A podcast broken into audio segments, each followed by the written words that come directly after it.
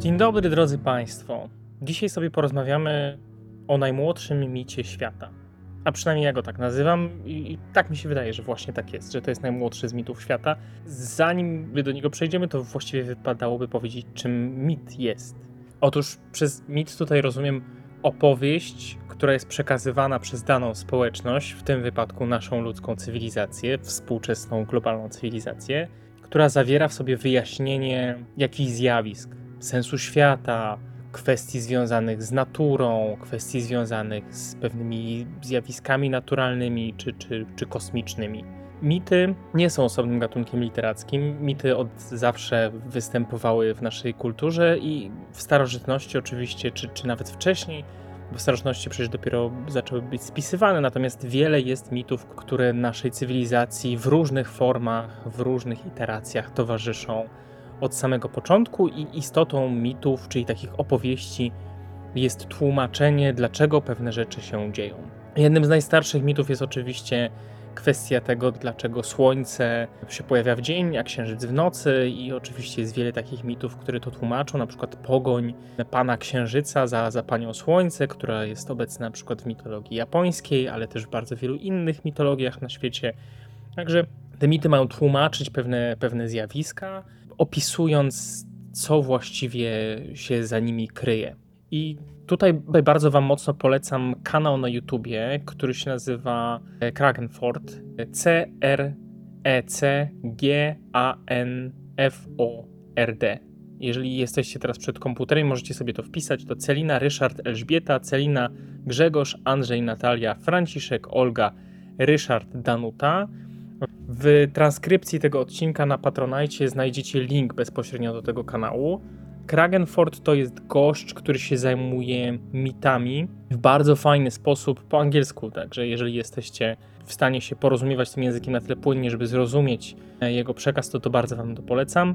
I on opisuje właśnie rozmaite mity od najstarszych do takich najbardziej powszechnych więc y, znajdziecie tam zarówno mity ogromnie stare, związane na przykład z kreacją świata, jak i takie historie na przykład związane z, z tym, kiedyś smoki się pojawiły w naszych mitach i skąd się te smoki właściwie w tych mitach wzięły. Także bardzo fajnie gość to prowadzi, ma taki bardzo spokojny, momentami dość monotonny głos, ale właśnie ta siła spokoju uważam jest tutaj dużą jego zaletą. Ale on skupia się na mitach bardzo starych, a ja chciałbym się skupić na micie bardzo młodym.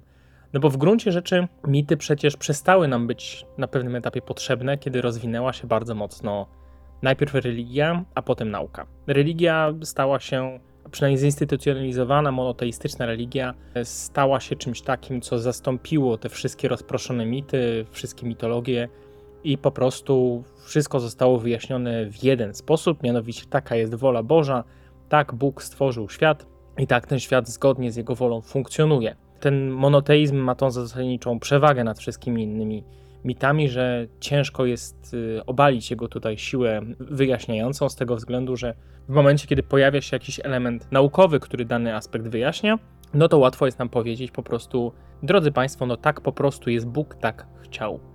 Tutaj myślę, przodownikami w tym, w tym wszystkim są muzułmanie, którzy doszukują się w Koranie ogromnej ilości wyjaśnień związanych z fizyką, związanych z taką bardzo zaawansowaną współczesną nauką i pokazują w ten sposób, że bez względu na to, w jakim okresie historycznym Koran czytamy, to e, te wiadomości tam są cały czas aktualne i to też udowadnia według, e, według interpretatorów Koranu autentyczność tej świętej księgi, bo pokazuje, że pewne informacje, które da się stamtąd wywnioskować i połączyć ze współczesną wiedzą, niemożliwe były do uzyskania w stanie wiedzy współczesnym, kiedy to Koran był spisywany.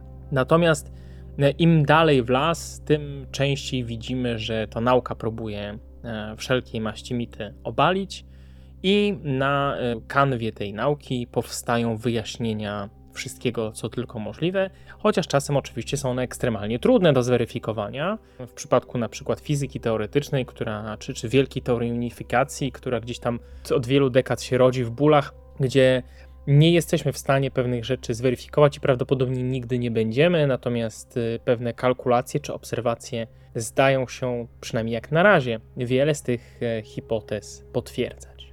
Skoro więc mity przestały nam być potrzebne, no to, to który z nich był najmłodszy?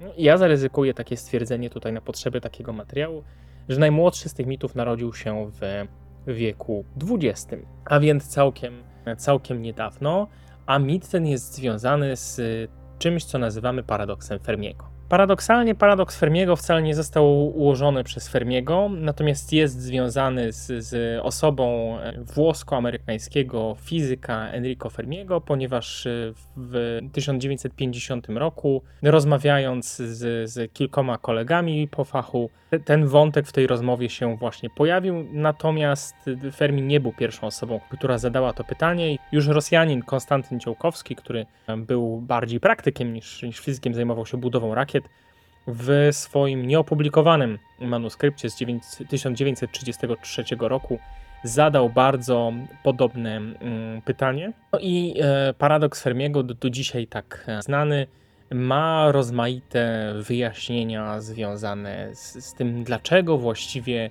skoro wszechświat jest tak ogromny i nieskończony, dlaczego nie spotykamy w nim innego życia. No bo w teorii, skoro ta, ta, ta rozległość wszechświata jest tak ogromna, no to gdzieś to życie powinniśmy zaobserwować nie tylko na Ziemi i oczywiście od czasu, kiedy do powszechnej świadomości to pytanie się przebiło, mnóstwo głów tęgich, jak i bardzo kreatywnych próbowało udzielić odpowiedzi na to pytanie.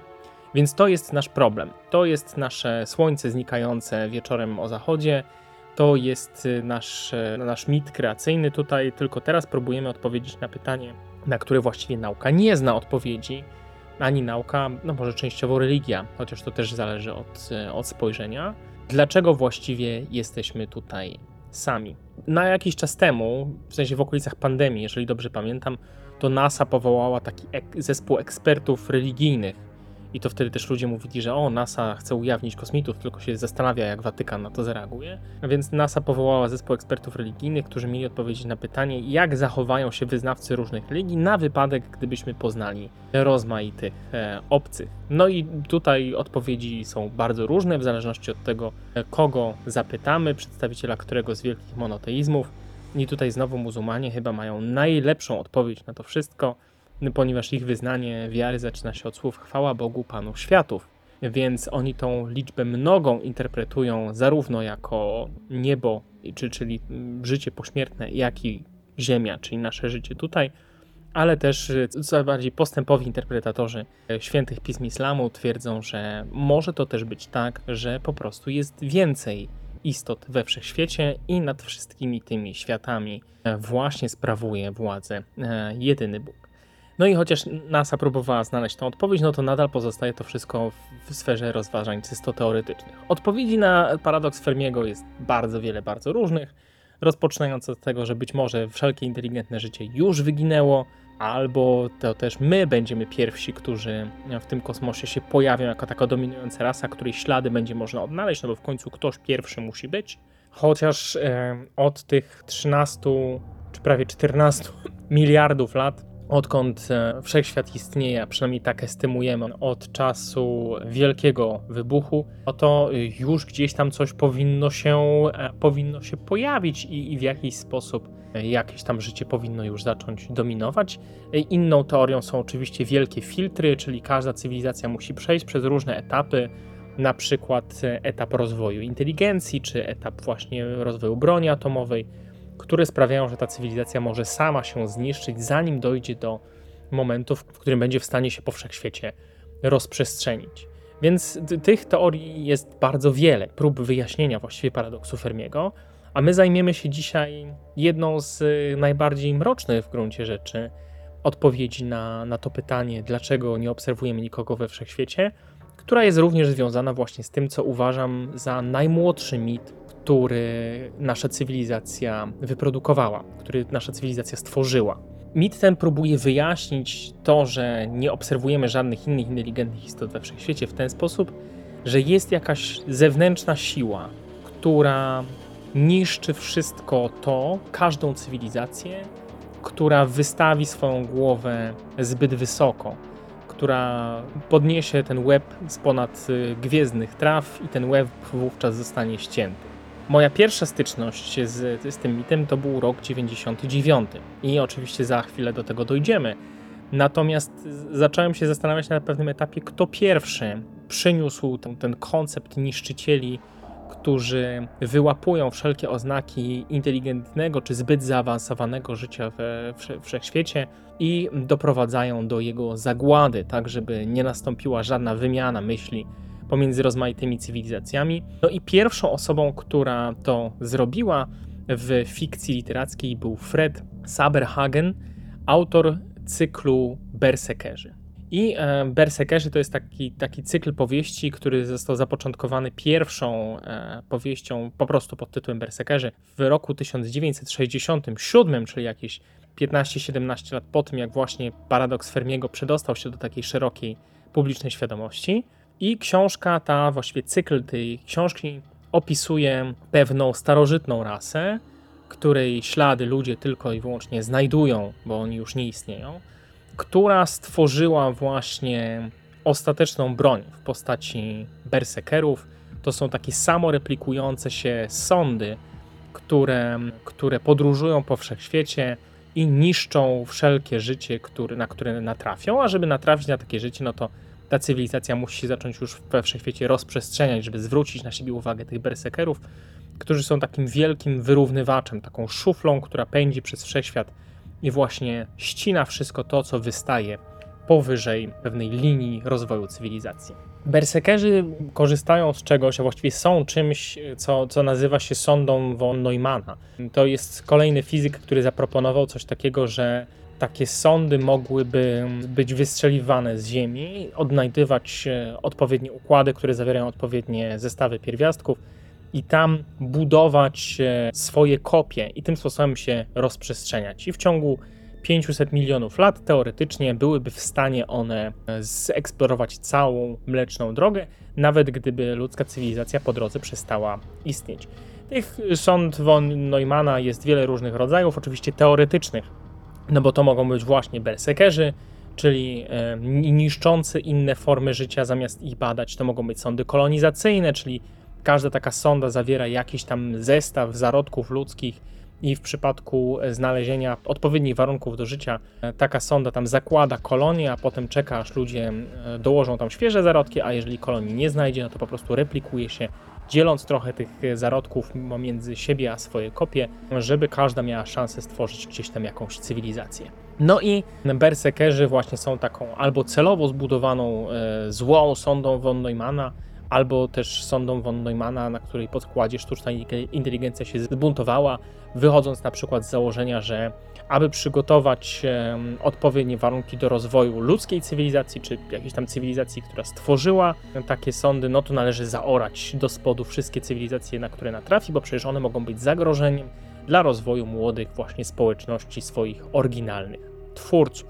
No i powieść, a właściwie cykl powieści o berserkerach była tak, z takim pierwszym przejawem tego, tego mitu, który próbuje wyjaśnić paradoks Fermiego o tym, że właśnie jest jakaś potężna siła we wszechświecie, która sprawia, że, że wszystko, na co natrafi, zostanie zrównane do, do odpowiedniego poziomu, żeby tego wszechświata nie eksplorować oprócz e, cyklu Berserkerzy, trochę takich e, tekstów kultury, w której ci, e, ja ich nazywam niszczycielami czy wyrównywaczami, się, się pojawiają, trochę ich jest. Kolejną rzeczą w literaturze na pewno będzie cykl Alastaira Reynoldsa. To jest brytyjski pisarz, który w 2000 roku wydał Przestrzeń Objawienia. To jest tak, to taka space opera, która też dotyka kwestii wyrównywaczy, czy, czy takich istot, które zajmują się właśnie eliminowaniem zaawansowanych ras w mm, kosmicznej przestrzeni.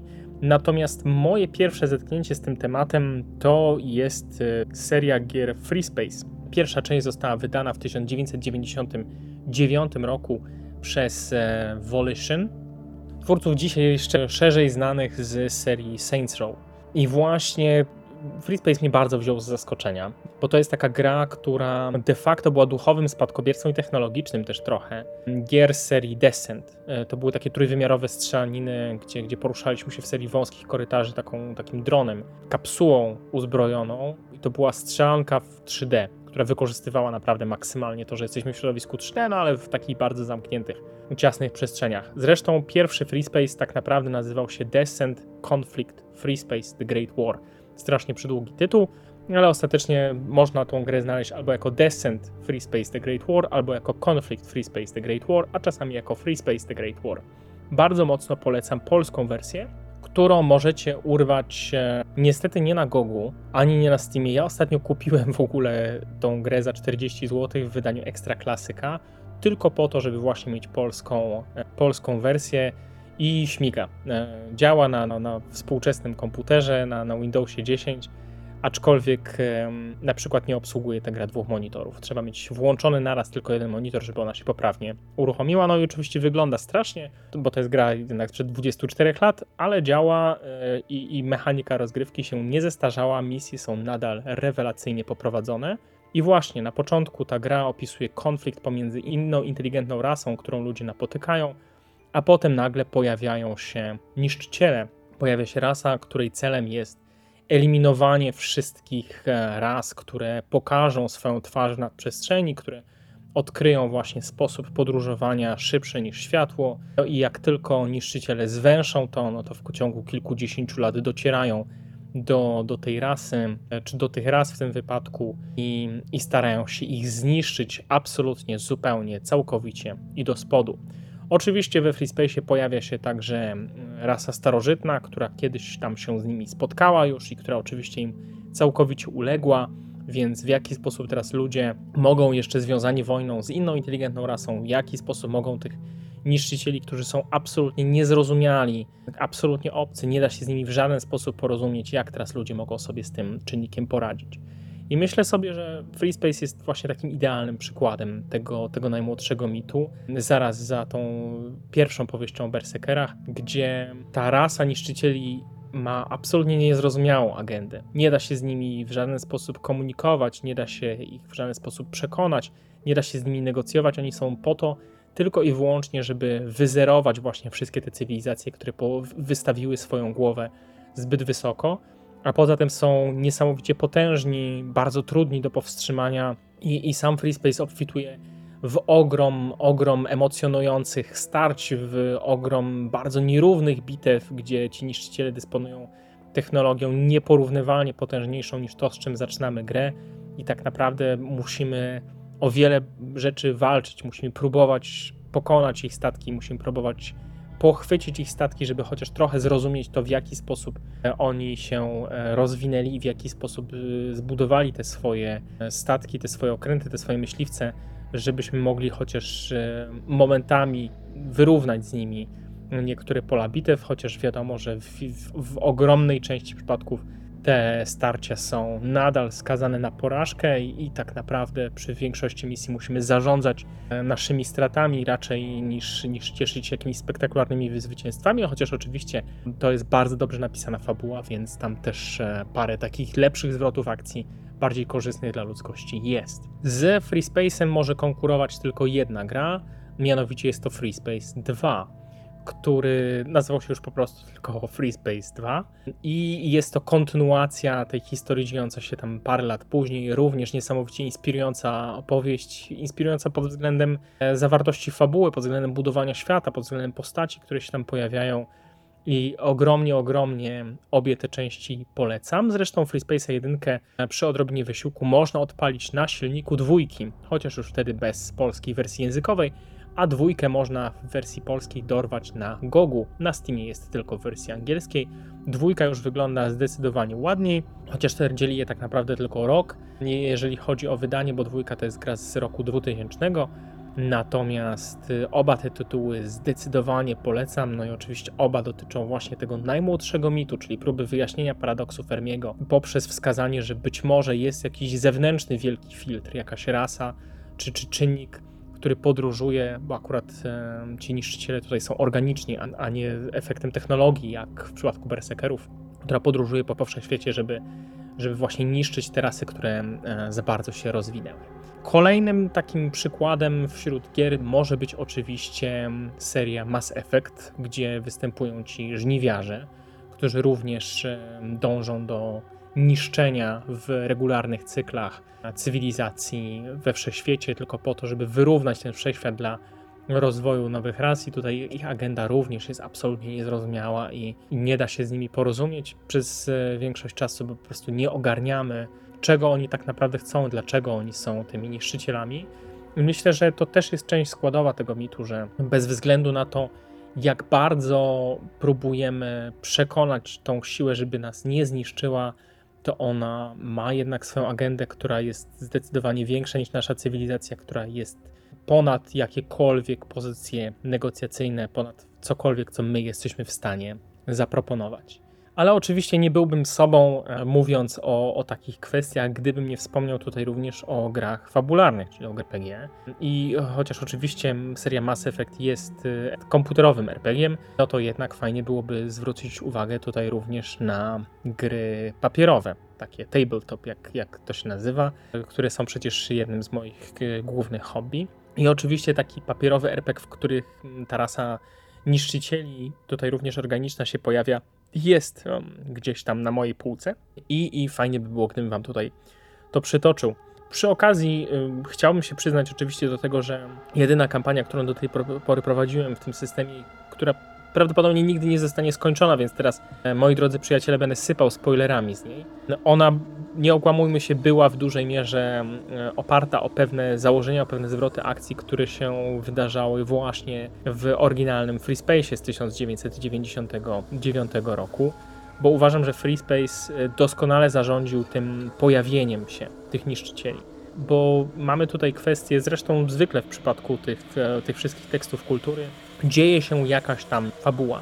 Jest jakiś konflikt, który już istnieje, i teraz w odpowiednim zwrocie akcji, kiedy my zaprezentujemy tych niszczycieli, czy tą siłę, która, która będzie nam eliminować zaawansowane rasy, będziemy podnosić stawkę tego konfliktu. Będziemy albo zmuszać te strony, które do tej pory ze sobą walczyły, tak jak to było we Free Space, czy tak jak to miało być w tej kampanii, czy tak jak jest po prostu w tym uniwersum, o którym zaraz będę mówić. Będziemy próbować, będziemy starać się jako autor zmusić te strony do kooperacji, żeby one spróbowały zapomnieć o tych animozjach, które są między sobą, żeby żeby stanąć przeciwko temu realnemu, ogromnemu złu, z którym muszą się zmierzyć, temu, który próbuje właśnie ten wszechświat zaorać do spodu, znowu do, do tego stanu zerowego, w którym żadna cywilizacja nie jest w stanie po nim e, podróżować.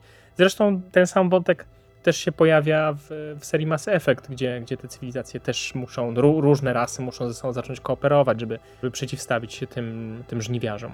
Mowa tutaj oczywiście o zapomnianym przez szerszą publiczność, wydanym w Hiszpanii RPG-u, który nazywa się Faith, jak e, wiara, a nie jak Fate przeznaczenie o którym już wielokrotnie mówiłem, bo jest to jeden z najlepiej napisanych podręczników, ogromnie bogaty w, w świat, ogromnie bogaty w rozmaite wątki.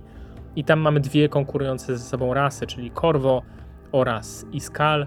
I na pewnym etapie tego konfliktu pojawiają się właśnie pustoszyciele. Revengers oni się nazywają w oryginale, czyli od właśnie od pustoszenia. E, pustoszyciele czy niszczyciele, których celem jest właśnie oranie tego wszechświata do spodu. Oni działają tutaj zdecydowanie wolniej, z tego względu, że nawet ta istniejąca wcześniej protorasa, której, której Iskali byli swego czasu niewolnikami, nie zdołała na nich natrafić mimo eonów zaawansowanego rozwoju. Pustoszyciele podróżują po tym wszechświecie zdecydowanie wolniej, ale ich cel pozostaje dokładnie taki sam. Chcą po prostu niszczyć wszystkie zaawansowane rasy, przekształcać je na swój obraz i podobieństwo.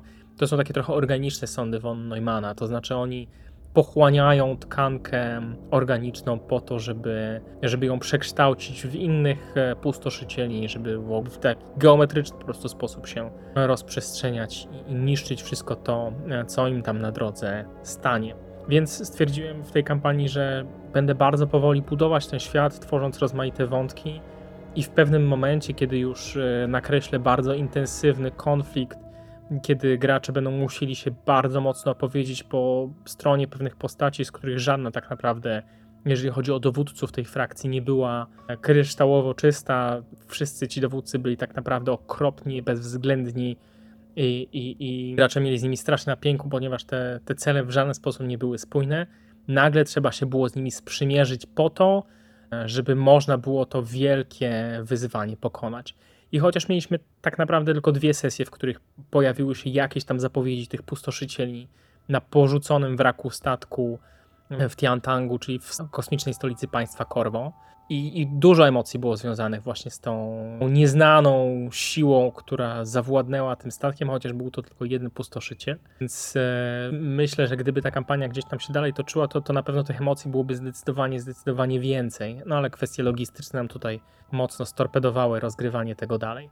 Natomiast bardzo wam, e, bardzo wam oczywiście polecam ten wątek tego najmłodszego mitu świata, bo on związany jest bardzo mocno właśnie z takim kosmicznym horrorem. Myślę, że spokojnie można gdzieś tam pewne jego elementy dorzucić do rozmaitych space oper. Ja próbowałem to kiedyś też zrobić w Gasnących Słońcach. W Gasnących Słońcach jest ta dominująca rasa, która we wszechświecie otacza Imperium Ludzi, która nazywa się Wału. Wału są bardzo starą, okrzepłą cywilizacją, która już nie zależy na, na rozwoju. I kiedyś też prowadziłem kampanię, w której oni zostali zaatakowani przez jakąś nieznaną siłę. Ideą tej kampanii było właśnie to, że ostatecznie ludzie podnieśli broń przeciwko tym niszczycielom, przeciwko tym pustoszycielom, ze względu na to, że tylko ludzie potrafią się tak bardzo adaptować. Tak? To jest też taki przymiot, który wielu pisarzy science fiction przydaje ludziom wśród innych ras, że to właśnie ludzie są tacy niezłomni i gotowi do walki, nawet mimo tego, że czasem mają mniejsze mózgi, czy są po prostu słabsi fizycznie niż inne istoty we wszechświecie, to jedna ta ich szalona determinacja, niezgoda na porażkę jest czymś, co pozwala im właśnie z tymi pustoszycielami czy niszczycielami w wielu wypadkach walczyć. I tam był taki wątek, że na pewnym etapie wału po prostu przyznali, że ich imperium jest niszczone przez tą nieznaną rasę i że nawet oni z tą swoją zaawansowaną technologią nie są w stanie z tym zrobić nic.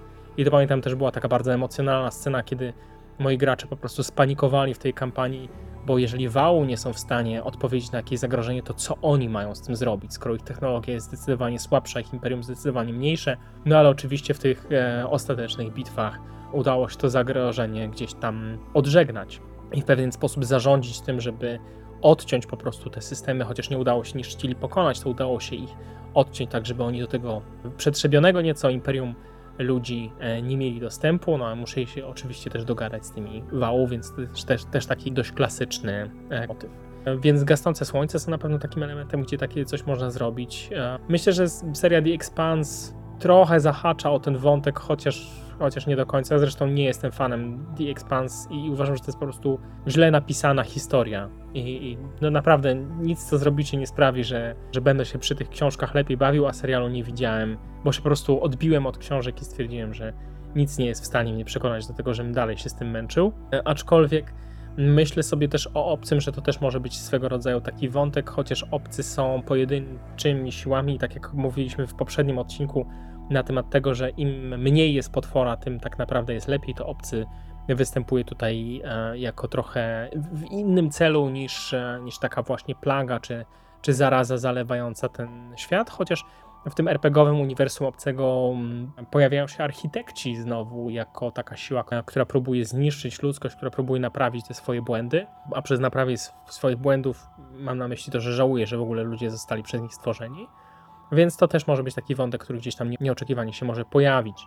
Wreszcie ostatnim takim przykładem, cały czas mówię o takich martwych RPGach, ale widzicie, to jest, to jest moja ogromna nisza, nie? że ja po prostu e, lubię takie systemy, o których już nikt nie pamięta i, i, lubię grać w gry, które są absolutnie poza, poza mainstreamem, a z drugiej strony też nie są takie zupełnie niszowe, bo są takie butikowe też wydania, których oczywiście też trochę mam, ale jednak lubię takie RPG, które, które poniosły porażkę, nie wiem dlaczego. Taką rzeczą na pewno są Kroniki Mutantów, gdzie, gdzie ta ludzkość się rozwija w ramach Układu Słonecznego, tutaj znowu tro, trochę jak w The Expanse, natomiast y, pojawiają się tam te demony z, z równoległego wymiaru, których celem jest właśnie zniewolenie i zniszczenie ludzkości. O Kronikach Mutantów musimy sobie też kiedyś pogadać szerzej, bo to jest taka seria, która zaliczyła bardzo wiele wzlotów e, w latach 80. i ogromną ilość upadków w, w, czasie późniejszym. W wielkim skrócie Kroniki Mutantów są czymś pomiędzy The Expanse a Warhammerem 40 tysięcy. Czyli ludzkość rozwinęła się w ramach Układu Słonecznego, natomiast ta siła, która próbuje je zniszczyć, to są demoniczne istoty i, i apostołowie ciemności z e, jakiegoś tam piekielnego wymiaru. Ogrom potencjału, jeżeli chodzi o Kroniki Mutantów, bo można w tym grać zarówno horrorowe scenariusze w klimacie ukrytego wymiaru, czyli, czyli filmu Event Horizon, e, jak i epickie bitwy w, przy cytadelach e, demonów, jak właśnie z uniwersum Warhammera 40 tysięcy, bez całego tego Warhammerowego skrajnego patosu. Chociaż rzeczywiście trochę tam tego patosu być musi, natomiast to wszystko jest takim podszyte konfliktem też między korporacjami, no, uniwersum Kronik Mutantów bardzo, bardzo rzecz złożona. Może pamiętacie karciankę Doom Trooper albo planszówkę Siege of the Citadel. To wszystko się dzieje właśnie w, w tym samym uniwersum. No i wreszcie ostatni taki przykład, e, trochę z tym związany, do, do którego też można sięgnąć, jeżeli chodzi o te RPGowe gry, no to są Borgowie, czy jeżeli można ich nazwać Borgami.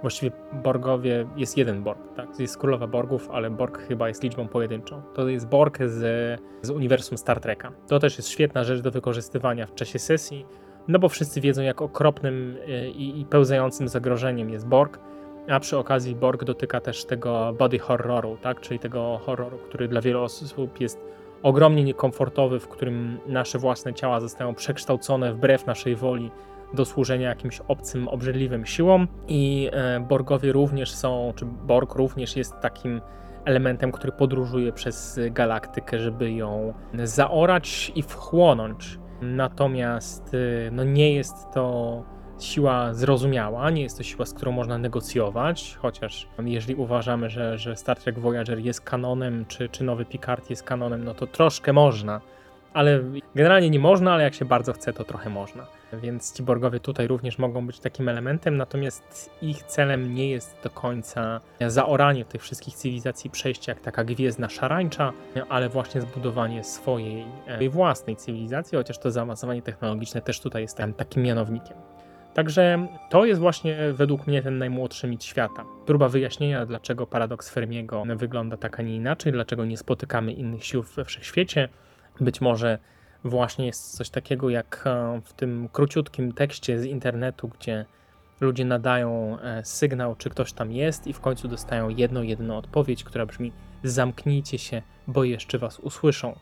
To też jest taki element związany mm, z horrorem, z terrorem, z tym, z tym kosmicznym horrorem, gdzie te siły, których absolutnie nie, rozumiemy, które są starsze i potężniejsze niż wszystko, czym my dysponujemy, mogą przybyć po to, żeby nas zgnieść jak robaka, jak to było w uniwersum Lovecrafta. I tutaj trochę też to pasuje. Pamiętam, były takie próby, nawet Baniak e, miał taką sesję, gdzie właśnie te mity Cthulhu się pojawiają w przyszłości, w erze kosmicznej eksploracji, także to też jest coś, o czym warto pomyśleć, na przykład jeżeli planujecie nowy scenariusz i, i chcecie tą odrobinę gwiezdnego horroru przemieszać z tym mitem o niszczycielach, czy właśnie o gwiezdnej szarańczy, której celem jest niszczenie wszystkich istot, które rozwinęły się za bardzo. W którym się pojawia taki, takie wyjaśnienie, że my ludzie jesteśmy mrówkami gdzieś w lesie i nie jesteśmy świadomi tego, że poza granicami tego lasu potężna cywilizacja zbudowała miasta i autostrady i absolutnie nie zrozumiemy ich przeznaczenia, nie zrozumiemy ich działania, a oni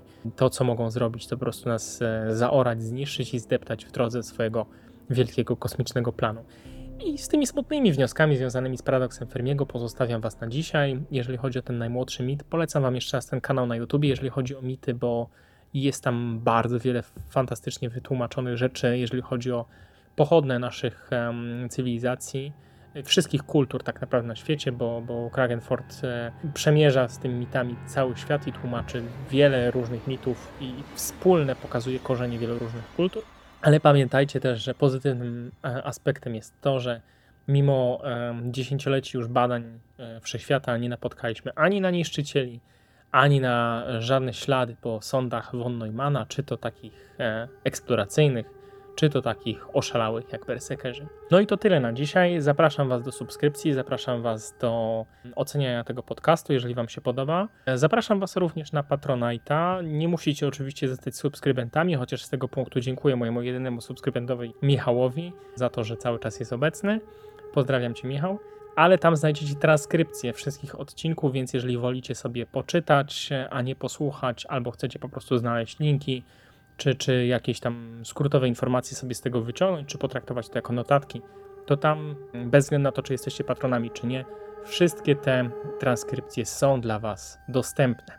To tyle na dzisiaj. Dziękuję Wam bardzo. Trzymajcie się, kochani. Z Bogiem i cześć.